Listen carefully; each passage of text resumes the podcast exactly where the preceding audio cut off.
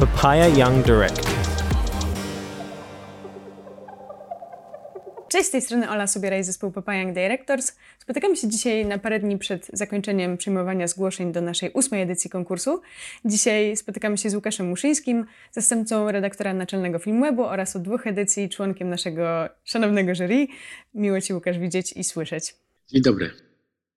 Porozmawiamy dzisiaj o tym, jak pandemia zmieniła nasze filmowe przyzwyczajenia, gdzie teraz oglądamy festiwalowe perełki i jak ta cała sytuacja może pozytywnie lub negatywnie wpłynąć na naszą rodzinną kinematografię.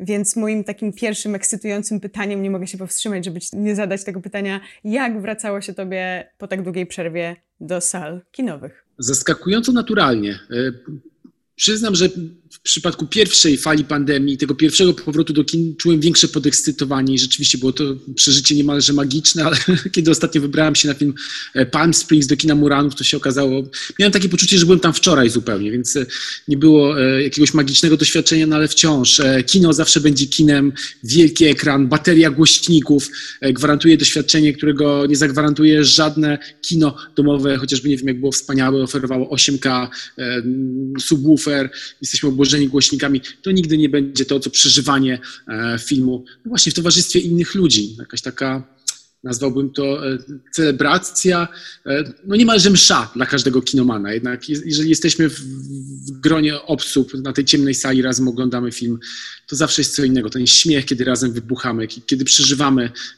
te same sceny na ekranie, no to działa i nigdy nie będzie działać w, tak samo, tak jak w domu. Mhm. No właśnie, ja też byłam na pokazie Pan Spring e, w Muranowie i, i to był chyba pierwszy pokaz e, film, tego filmu po otwarciu kin i no ludzie klaskali. Poczułam się jak na festiwalu, poczułam się jak na Nowych Horyzontach i pomyślałam sobie, okej, okay, film może nie był na tyle zachwycający, ale wspaniałe było to, jak ci ludzie po prostu chłonęli ten obraz, ten, to wszystko, co tam się działo, już nawet nieważne, mogliby tam pokazywać może mm, zwykłą bajkę, chociaż bajki też fantastyczne, fantastyczne, ale nie wiem, świnkę Peppa, ludzie i tak by klaskali jak szaleni. E, czyli uważasz, że kino wciąż, e, my jako kinofile będziemy wciąż łaknąć z tego doznania? Myślę, że jak najbardziej. Przyznaję, że na przykład rok temu miałem takie wahania. Wydawało mi się, że serwisy streamingowe mogą jednak odebrać e, widowni kinom, że jednak tak się przyzwyczaimy już do tego, że oglądamy filmy na małym ekranie, że nie trzeba wstawać z kanapy, e, ubierać się, iść do kina, e, zmagać się z, pogodą, z korkami i tak dalej, i tak ale teraz mam wrażenie, że, że ludzie łakną powrotu do kin po prostu potrzebują socjalizowania się. E, I kino no, jest jednym z najlepszych sposobów na to, aby spotykać się w większym gronie, więc teraz już e, absolutnie nie boję się o to, że widzowie wrócą do kin. E, boję się tylko o to, jak długo będziemy czekać, żeby kina mogły otworzyć się na 100%, żeby już nie, było, nie trzeba było siadać co drugie wolne miejsce. No i żeby pojawiły się duże przeboje kinowe, które napędzą z powrotem widowni i box office, bo to jest w tej chwili największy problem. Kina mogą być otwarte, ale jeżeli nie będą posiadały świeżego towaru, który będą pomogły będą mogły położyć na ladę swoim klientom, no to tutaj może być e, większy problem, no ale trzymajmy kciuki, że wszyscy zostaniemy zaszczepieni i w końcu.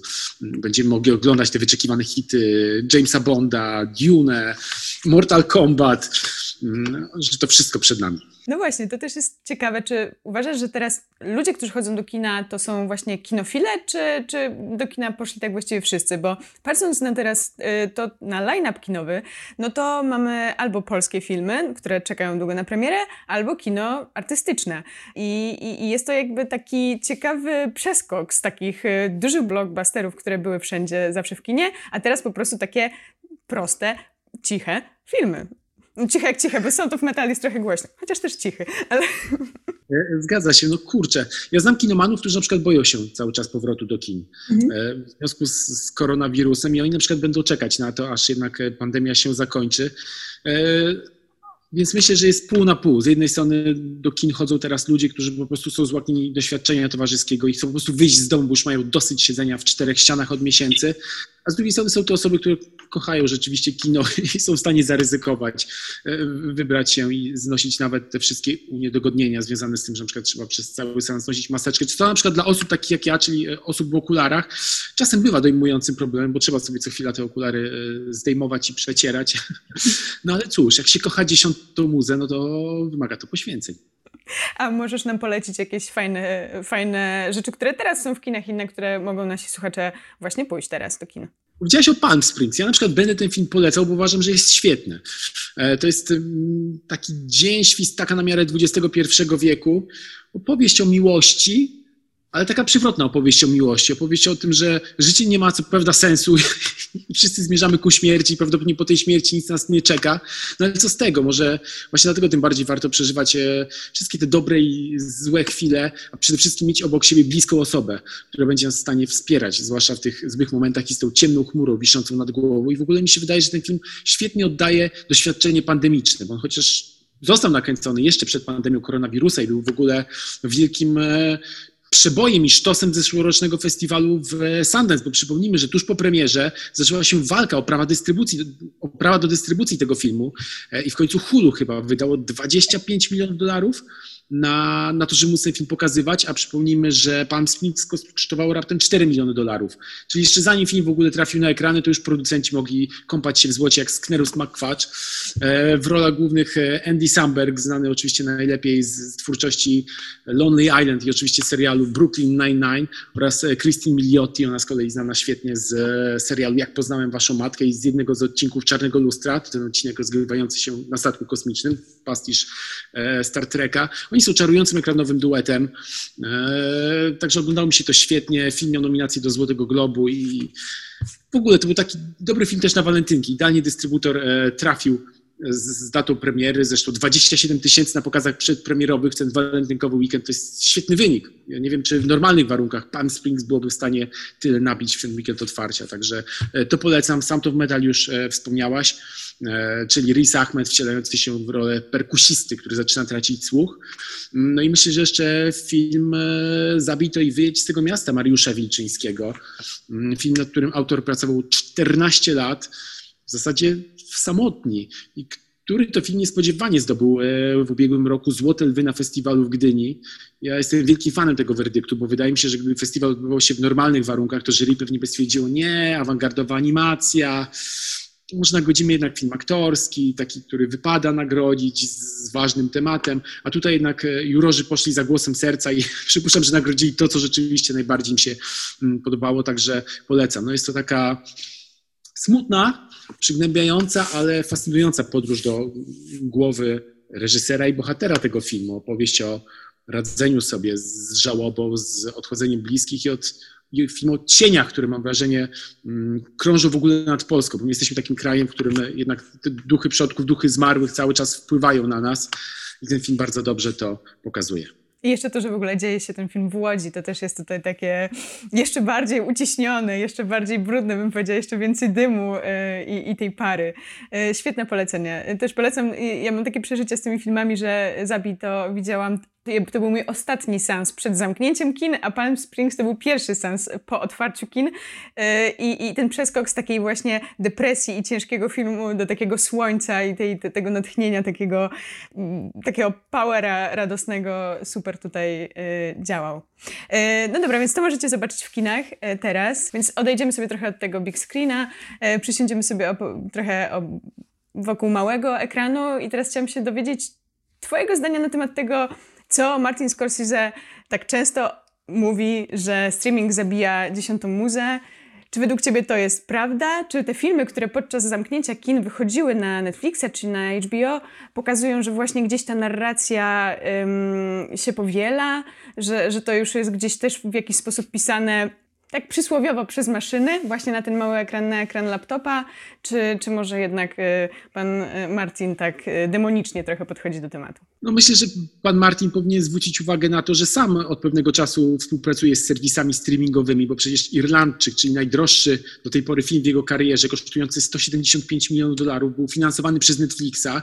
I gdyby nie Netflix, to ten film by nie powstał, ponieważ żadna inna wytwórnia nie wpompowałaby tyle pieniędzy w 3,5 godzinny film e, o przemijaniu, śmierci i rozliczaniu się e, z własną, własną przeszłością. Film moją drogą wybitny, e, moim zdaniem wybitny, no ale jednak no, to nie jest kino, które byłoby w stanie zgromadzić tłumy widzów jak kolejna część uniwersum Marvela. A teraz z kolei Scorsese współpracuje, przypomnijmy, z Applem, który to finansuje jeszcze droższy film, kosztujący ponad 200 milionów dolarów, e, western Killers of the Flower Moon e, z Leonardo DiCaprio i Robertem De Niro e, w rolach głównych. Ten film będzie miał hybrydową dystrybucję. On na początku będzie w kinach, potem trafi na serwis streamingowy Apple'a, no ale znowu to jednak ten mały ekran i serwis streamingowy zgodził się zasponsorować produkcję, ponieważ wszystkie inne duże wytwórnie odpadały. Nawet nazwisko Leonardo DiCaprio na plakacie nie było wystarczającym wabikiem, i zachętą, żeby wyłożyć aż e, tyle pieniędzy. Więc e, nie demonizujmy. Ja jestem fanem serwisów streamingowych. No, myślę, że tak naprawdę pandemia przyspieszyła pewien proces, który już zachodził od pewnego czasu. To znaczy, że serwisy streamingowe no, będą zabierały ważny kawałek e, tortu w e, przemyśle filmowym e, i zmieni się model dystrybucji. To już nie będzie tak, że najpierw będzie film na ekranach kinowych, potem po 90 dniach będzie wchodził na płatne VOD, płyty DVD czy Blu-ray i dopiero potem będzie trafiał jeszcze na jakąś taką szerszą dystrybucję. No teraz może być tak i będzie tak, że filmy będą miały dystrybucję hybrydową. Może być tak, że produkcje nisko i średnio budżetowe tak naprawdę znikną z kin przynajmniej z takiego oficjalnego e, obiegu dystrybucyjnego. Będzie można zobaczyć na wielkich ekranach, na festiwalach, e, ale wytwórnie będą wolały je po prostu właśnie sprzedawać dla swoich serwisów streamingowych traktować je, nie lubię tego słowa, jako ich e, content. Mm, więc to się zmieni. Na te wielkie filmy, filmy za 200 milionów dolarów, one cały czas będą najpierw na ekranach kinowych, no bo jednak kino gwarantuje wciąż największy zysk wytwórniom kinowym. Chociaż może być też tak, że na przykład y, najnowsza część Jamesa Bonda w końcu zostanie sprzedana na mały ekran. Ja w to nie wierzę po prostu. Nie, nie, wierz, nie wierzyłabym w tą sytuację.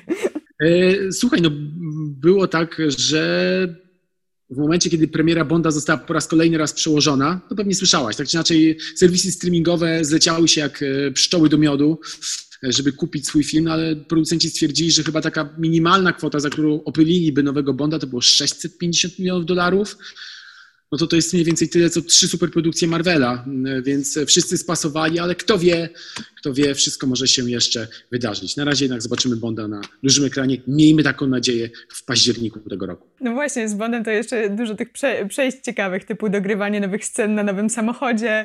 E, jestem ciekawa, jak to w finalnym, w finalnym rozrachunku nam się sprawdzi, bo tak naprawdę Bond jako superprodukcja, jako tak naprawdę super reklama e, też e, może tutaj nieźle zrobić niezły szał pod tym względem, jak to właśnie zmieniła ta pandemia ten, ten film, bo, bo, chyba żaden film nie zmieniła pandemia tak bardzo jak Bonda. A dobra, a czy uważasz w takim wypadku jeszcze zahaczając ten pomysł, o to pytanie, czy y, Villeneuve się oprze w końcu i jego Duna y, serwisom streamingowym? Bo słyszałam, że tam jest duża walka, duża batalia. Myślę, że tutaj Denis Villeneuve ma najmniej niestety do powiedzenia, chociaż jest e, reżyserem e, Duny, a wszystko rozgrywa się między producentami. Z jednej strony mamy wytwórnię Warner Bros., która zadecydowała, że e, niemal wszystkie jej tytuły tegoroczne będą miały dystrybucję hybrydową, czyli na serwisie streamingowym HBO Max i w kinach. Natomiast tylko producentem Dune jest też e, studio Legendary, które no, wpompowało dużo pieniędzy w ten film, no jednak e, przypuszczam, że nie chciałby stracić takiego tytułu, który no, w normalnych warunkach mógłby zarobić no, bardzo duże pieniądze. No, wszystko to się oczywiście jeszcze mieli w gabinetach hollywoodzkich decydentów ze złotymi klamkami, mm, ale najważniejsze jest to, żeby ten film w końcu można było zobaczyć. Pytanie jest takie, czy na przykład jak mamy Dune, okej, okay, fajnie jest ten film zobaczyć na wielkim ekranie, bo to jest jednak widowisko. E, ale czy na przykład gdyby się okazało, że film wjeżdża na serwis streamingowy HBO Go w Polsce, bo HBO Max jeszcze nie ma, to czy jednak nie pomyślałabyś, a w sumie obejrzę sobie na małym ekranie, naprawdę będę tyle czekać, aż będzie na, w kinach albo i nie. No myślę, że jednak większość z nas by się e, nie oparła tej chęci, aby jak najszybciej móc e, zobaczyć nowe dzieło Denis Villeneuve'a. I czy to dobrze, czy źle? No, ja sama nie wiem. Ja bym przy, przyznam, że czekałabym z wytęsknieniem na największy ekran w Polsce i najwygodniejsze fotele i duży dźwięk, e, bo to też wydaje mi się, że gdzieś te widowiska i, i ten, mówię o największym ekranie, tutaj typu IMAX, gdzieś też to kino w jakiś sposób wzbogaca i to też jest zastanawiające, zastanawiające teraz, czy teraz twórcy, którzy myślą o tym, czy ich film wejdzie na streaming, czy wejdzie do kin, w ogóle będą stosować takie IMAXowe kamery i to takie jak Interstellar, myślimy o tym, że nagle zawężamy kadr, robimy wszystko szeroko, e, czy nagle kamera IMAX pójdą w odstawkę właśnie dlatego, że nie będzie się opłacać, bo może film trafi tylko i wyłącznie na stream? To jest jednak ciągle wróżenie z fusów. Pytanie tak naprawdę, jak długo potrwa pandemia. Miejmy nadzieję, że, że szybko się skończy i kina wrócą do normalnego funkcjonowania, e, bo jednak chciałby się zobaczyć nowy film Christophera Nolana, który jednak byłby kręcony kamerami IMAX i móc e, no, docenić pełną e, wizję autora, artysty, a nie coś, co jednak jest sprowadzane do małego ekranu, no ale jest jak jest. Nie no, my trzymamy kciuki. Trudno jest wyrokować, no ale ja cały czas wierzę, że, że wszystko wróci do normy. E, wielkie kamery IMAX będą działać, e, wielkoformatowe widowiska będą trafiać na ekrany e, i nie ominą nas te najwspanialsze wielkoekranowe doświadczenia. No ja już czekam na następną część Transformerów, e, bo jestem wielką fanką, chciałam tylko dodać. Ale dobra, no to w takim wypadku, skoro e, trzymamy kciuki za, za to, żeby to się wszystko odwróciło, wróciło do normalności, z naszego doświadczenia e, jesteśmy na tydzień przed zamknięciem zgłoszeń, zauważyliśmy w ogóle, że, że cała sytuacja napędziła twórców na zainteresowanie w ogóle tworzeniem, e, że mhm. pojawia się dużo pomysłów, że jednak ludzie też w zamknięciu i w ogóle takim mm, troszkę jakby innym, w momencie, w którym mogą inaczej spojrzeć na rzeczywistość, naprawdę zaczynają tworzyć ciekawe rzeczy. E, I to jest pytanie, czy, czy, czy ty zauważyłeś tutaj właśnie jakąś taką e, i wśród takich twórców, którzy dopiero zaczynają, czy właśnie u jakichś nowych produkcji, nowy sposób budowania narracji, czy nowy sposób na przykład robienia filmów, bo na przykład um, robienie filmów telefonem, czy uważasz, że to jest fajne medium, które można przenieść później jakkolwiek na duży ekran bądź na mały? No oczywiście zabawa telefonami w, w kinie nie jest niczym nowym i one były wykorzystywane e, wcześniej. No nie wiem, Timur Bekmambetow na przykład, e, reżyser Wanted i Straży Nocnej, on teraz zapowiedział, że będzie kręcił filmy wyłącznie teraz telefonami komórkowymi i tabletami i w ogóle jakby one mają powstawać specjalnie na format e, małego ekranu. Zresztą w swoich produkcjach kinowych, na przykład e, Searching, tak to się chyba nazywało, cały film zbudowany na tym, że bohaterowie mm, mają interakcję ze sobą właśnie poprzez e, ekrany. No i to oczywiście tak naprawdę poszerzy tylko tę formę, która już była wcześniej dostępna. No, na przykład rozmawiałem parę razy z producentami filmowymi i oni mówili mi coś takiego, że podobno teraz w ogóle dystrybutorzy, jak czytają scenariusze, to zwracają uwagę na to, czy w scenariuszach jest wątek pandemiczny, mhm. e, czy na przykład w dialogach pojawia się jakieś wspomnienie pandemii koronawirusa. Jeżeli pandemia musi wejść do, do rzeczywistości kinowej, jeżeli film rozgrywa się współcześnie, to nie można tego pominąć. Ja się na przykład zastanawiam, czy widzowie tego chcą, bo moim zdaniem nie. E, jeżeli chcemy się wybrać do kina, to my szukamy eskapizmu jednak i naprawdę jakby mm, historię o koronawirusie, wspomnienie koronawirusa może po prostu irytować chcemy uciec od tego świata w lepszą, bardziej kolorową, oferującą więcej atrakcji rzeczywistość, niż raczej ta rzeczywistość, przypomina nam o, o, o, o w tym, w czym jeszcze trwamy. Miejmy nadzieję, że będziemy trwać jak najkrócej. Więc wydaje mi się, że koronawirus w ogóle no, najchętniej wszyscy chcielibyśmy, żeby zniknął, e, ale tak, także w kinie, żeby w ogóle jakby go e, nie było. Natomiast no tak, e, telefony, tablety, nowe formaty to tego będzie więcej. Zresztą um, ostatnio widziałem zwiastun nowego dzieła twórców 365 dni. Film nazywa się The End i opowiada o, mrocznym świecie polskiego show biznesu, odkrywa e, wszystkie grzechy polskich celebrytów i ten film był nakręcony w trakcie pandemii. Jest nakręcony w dużej mierze przy pomocy telefonów e, komórkowych, więc Polska również mm, zaanektowała to i czerpie i wykorzystuje nowe sposoby kręcenia filmów. Wow, o 365 dni nie będę pytać. Nowy Patryk Beka może odsunąć trochę podstawkę, ale no gratulujemy Złotych Malin. No, być obok y, takich, takich gwiazd nominowanym to naprawdę wydaje mi się, że jeszcze żaden Polak tego nie... No dobra, y, nie chciałam powiedzieć, że żaden Polak tego nie osiągnął, ale prawie. Ale nominacje nie zostały ogłoszone. To, to, to, warto wspomnieć, że 365 dni jest na długiej liście. Nominacje mają być ogłoszone w niedzielę. I wtedy się przekonamy, czy trafi do finałowej piątki, ale umówmy się, pewnie trafi. Więc tutaj tylko taka mała errata, ale tak, 365 dni zostało z pewnością docenione na całym świecie. Wspaniale.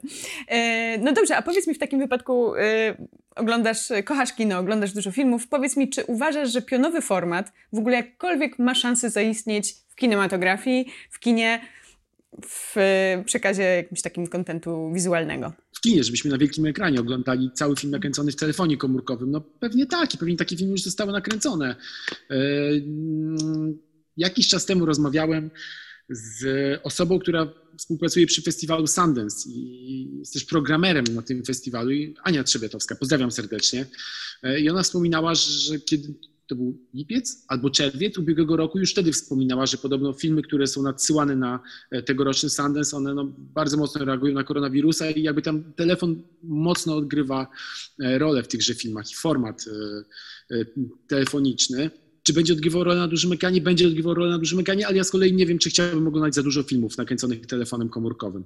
Ja wiem, że Steven Soderbergh na przykład kręci swoje ostatnie filmy iPhone'em, w ogóle jakby kombinuje Mm, jeżeli chodzi o narrację i wplatanie kręcenia materiałów nakręconych przez telefon do, do filmów, ale nie wiem, czy chciałbym takie filmy ciągle oglądać e, na wielkim ekranie. Wydaje mi się, że nie. E, wolałbym jednak, żeby filmy kręcone telefonami powstawały na telefony i, i, tablety na przykład, żeby medium, żeby narzędzie do realizowania filmów było też dopasowane do narzędzia, na którym będziemy te filmy oglądać.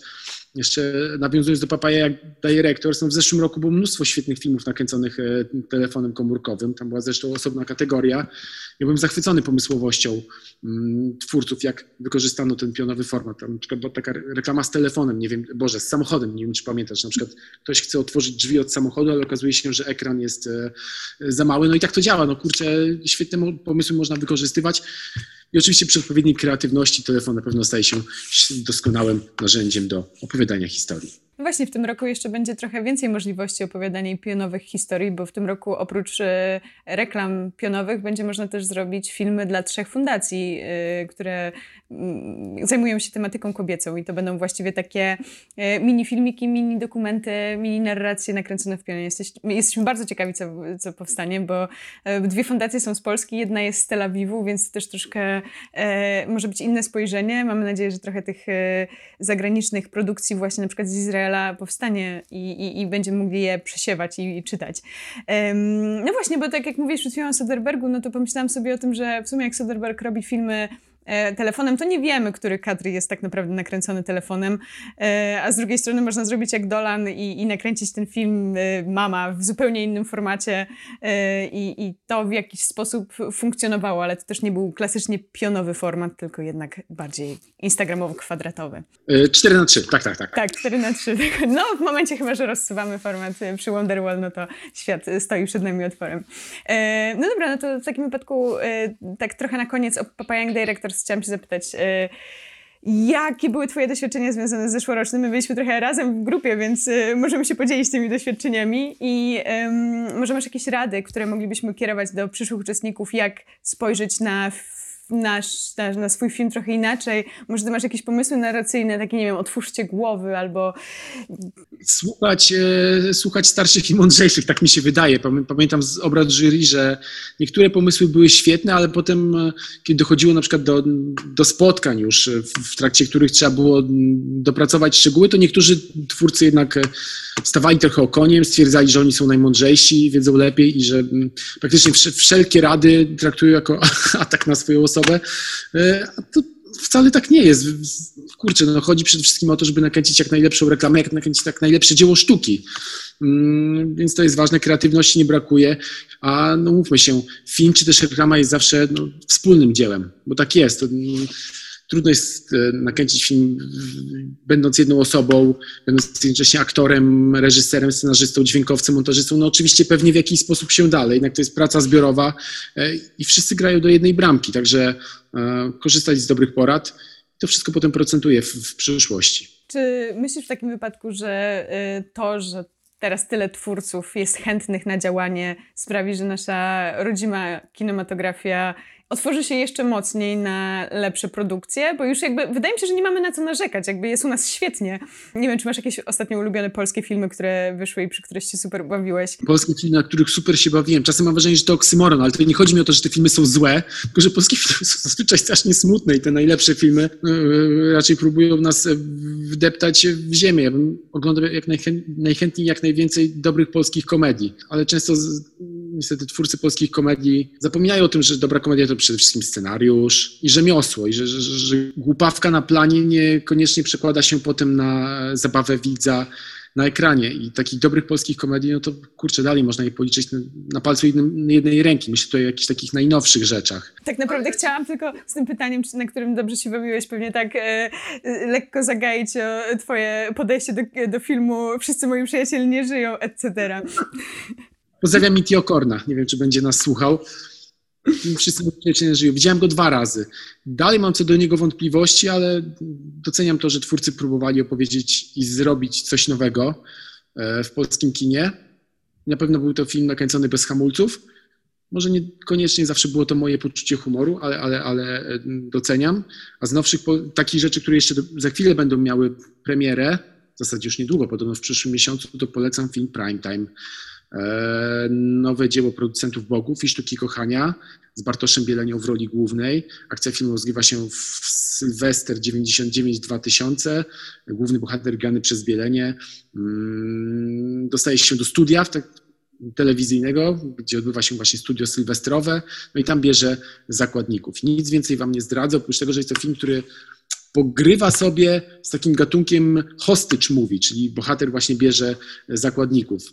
My mamy taki już utkwiony w głowie wizerunek takich filmów, gdzie musi być dużo akcji, dużo napięcia, gdzie co chwilę następuje jakiś zwrot akcji, a ten film w inteligentny sposób e, rozgrywa ten gatunek i ten schemat. Świetna rola Bartosza Bieleni, obok niego między innymi Magdalena Popławska, także to jak zobaczycie gdzieś na małym albo dużym ekranie, to wciśnijcie play. I widziałam zwiastun i, i, nie chciało się wyłączać, chciało się zapętlać ten zwiastun e, bez końca. No właśnie, bo to jeszcze jedna rzecz, jedną rzecz chciałam się zapytać. Obserwujemy teraz w tym naszym młodym kinie polskim chęć właśnie tworzenia takiego kina gatunkowego, ale my robimy, rozumiemy ten film, kino gatunkowe tak mocno kreślone grubą krechą. U nas nie ma półśrodków.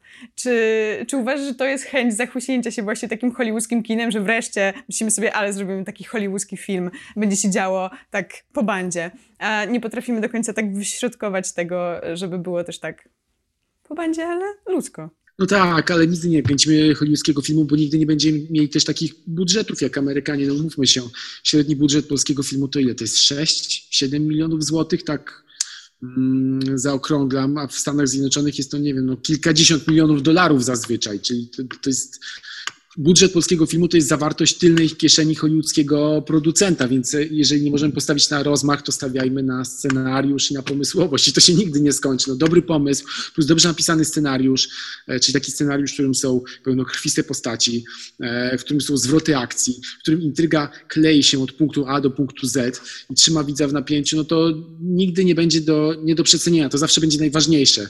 No nie dziwmy się, że Amerykanie tak chętnie skupują zagraniczne rzeczy, bo to często za granicą są najfajniejsze pomysły, a potem oni po prostu dokładają do tego te kilkadziesiąt milionów dolarów budżetu, że to wygląda jeszcze lepiej, ale pomysł był, jest i zawsze będzie e, najważniejszy. Także scenariusze, skrypt doktorzy, mm, dyskusje nad tekstem, no to zawsze będzie najważniejsze. No i potem oczywiście już cały sztab utalentowanych ludzi, którzy przeniosą dobry tekst na ekran. Wydaje mi się, że to jest najlepsza puenta, jaka mogła tutaj natchnąć naszych młodych twórców, którzy w tym roku jeszcze nie y, zgłosili się, a już planują się zgłaszać do naszego konkursu Papa Directors. Y, Łukasz, ja Ci bardzo dziękuję y, za tą rozmowę. Mam nadzieję, że że, że, że pójdą, pójdziemy wszyscy do kina, że, że będziemy mogli sobie rozmawiać o tych filmach po sensie, bez maseczki i, i uśmiechać się do siebie po prostu, po, bądź płakać po prostu po, po wspaniałych sensach. E, bardzo Ci dziękuję i widzimy się, mam nadzieję, że już wkrótce na obradach jury, bo tak jak mówiłam, Łukasz jest po raz drugi e, członkiem naszego jury, za co Ci bardzo dziękujemy. A ja bardzo dziękuję za zaproszenie. No do zobaczenia i dziękuję za wysłuchanie naszej rozmowy. Wspaniale, dzięki. Papaya Young Directors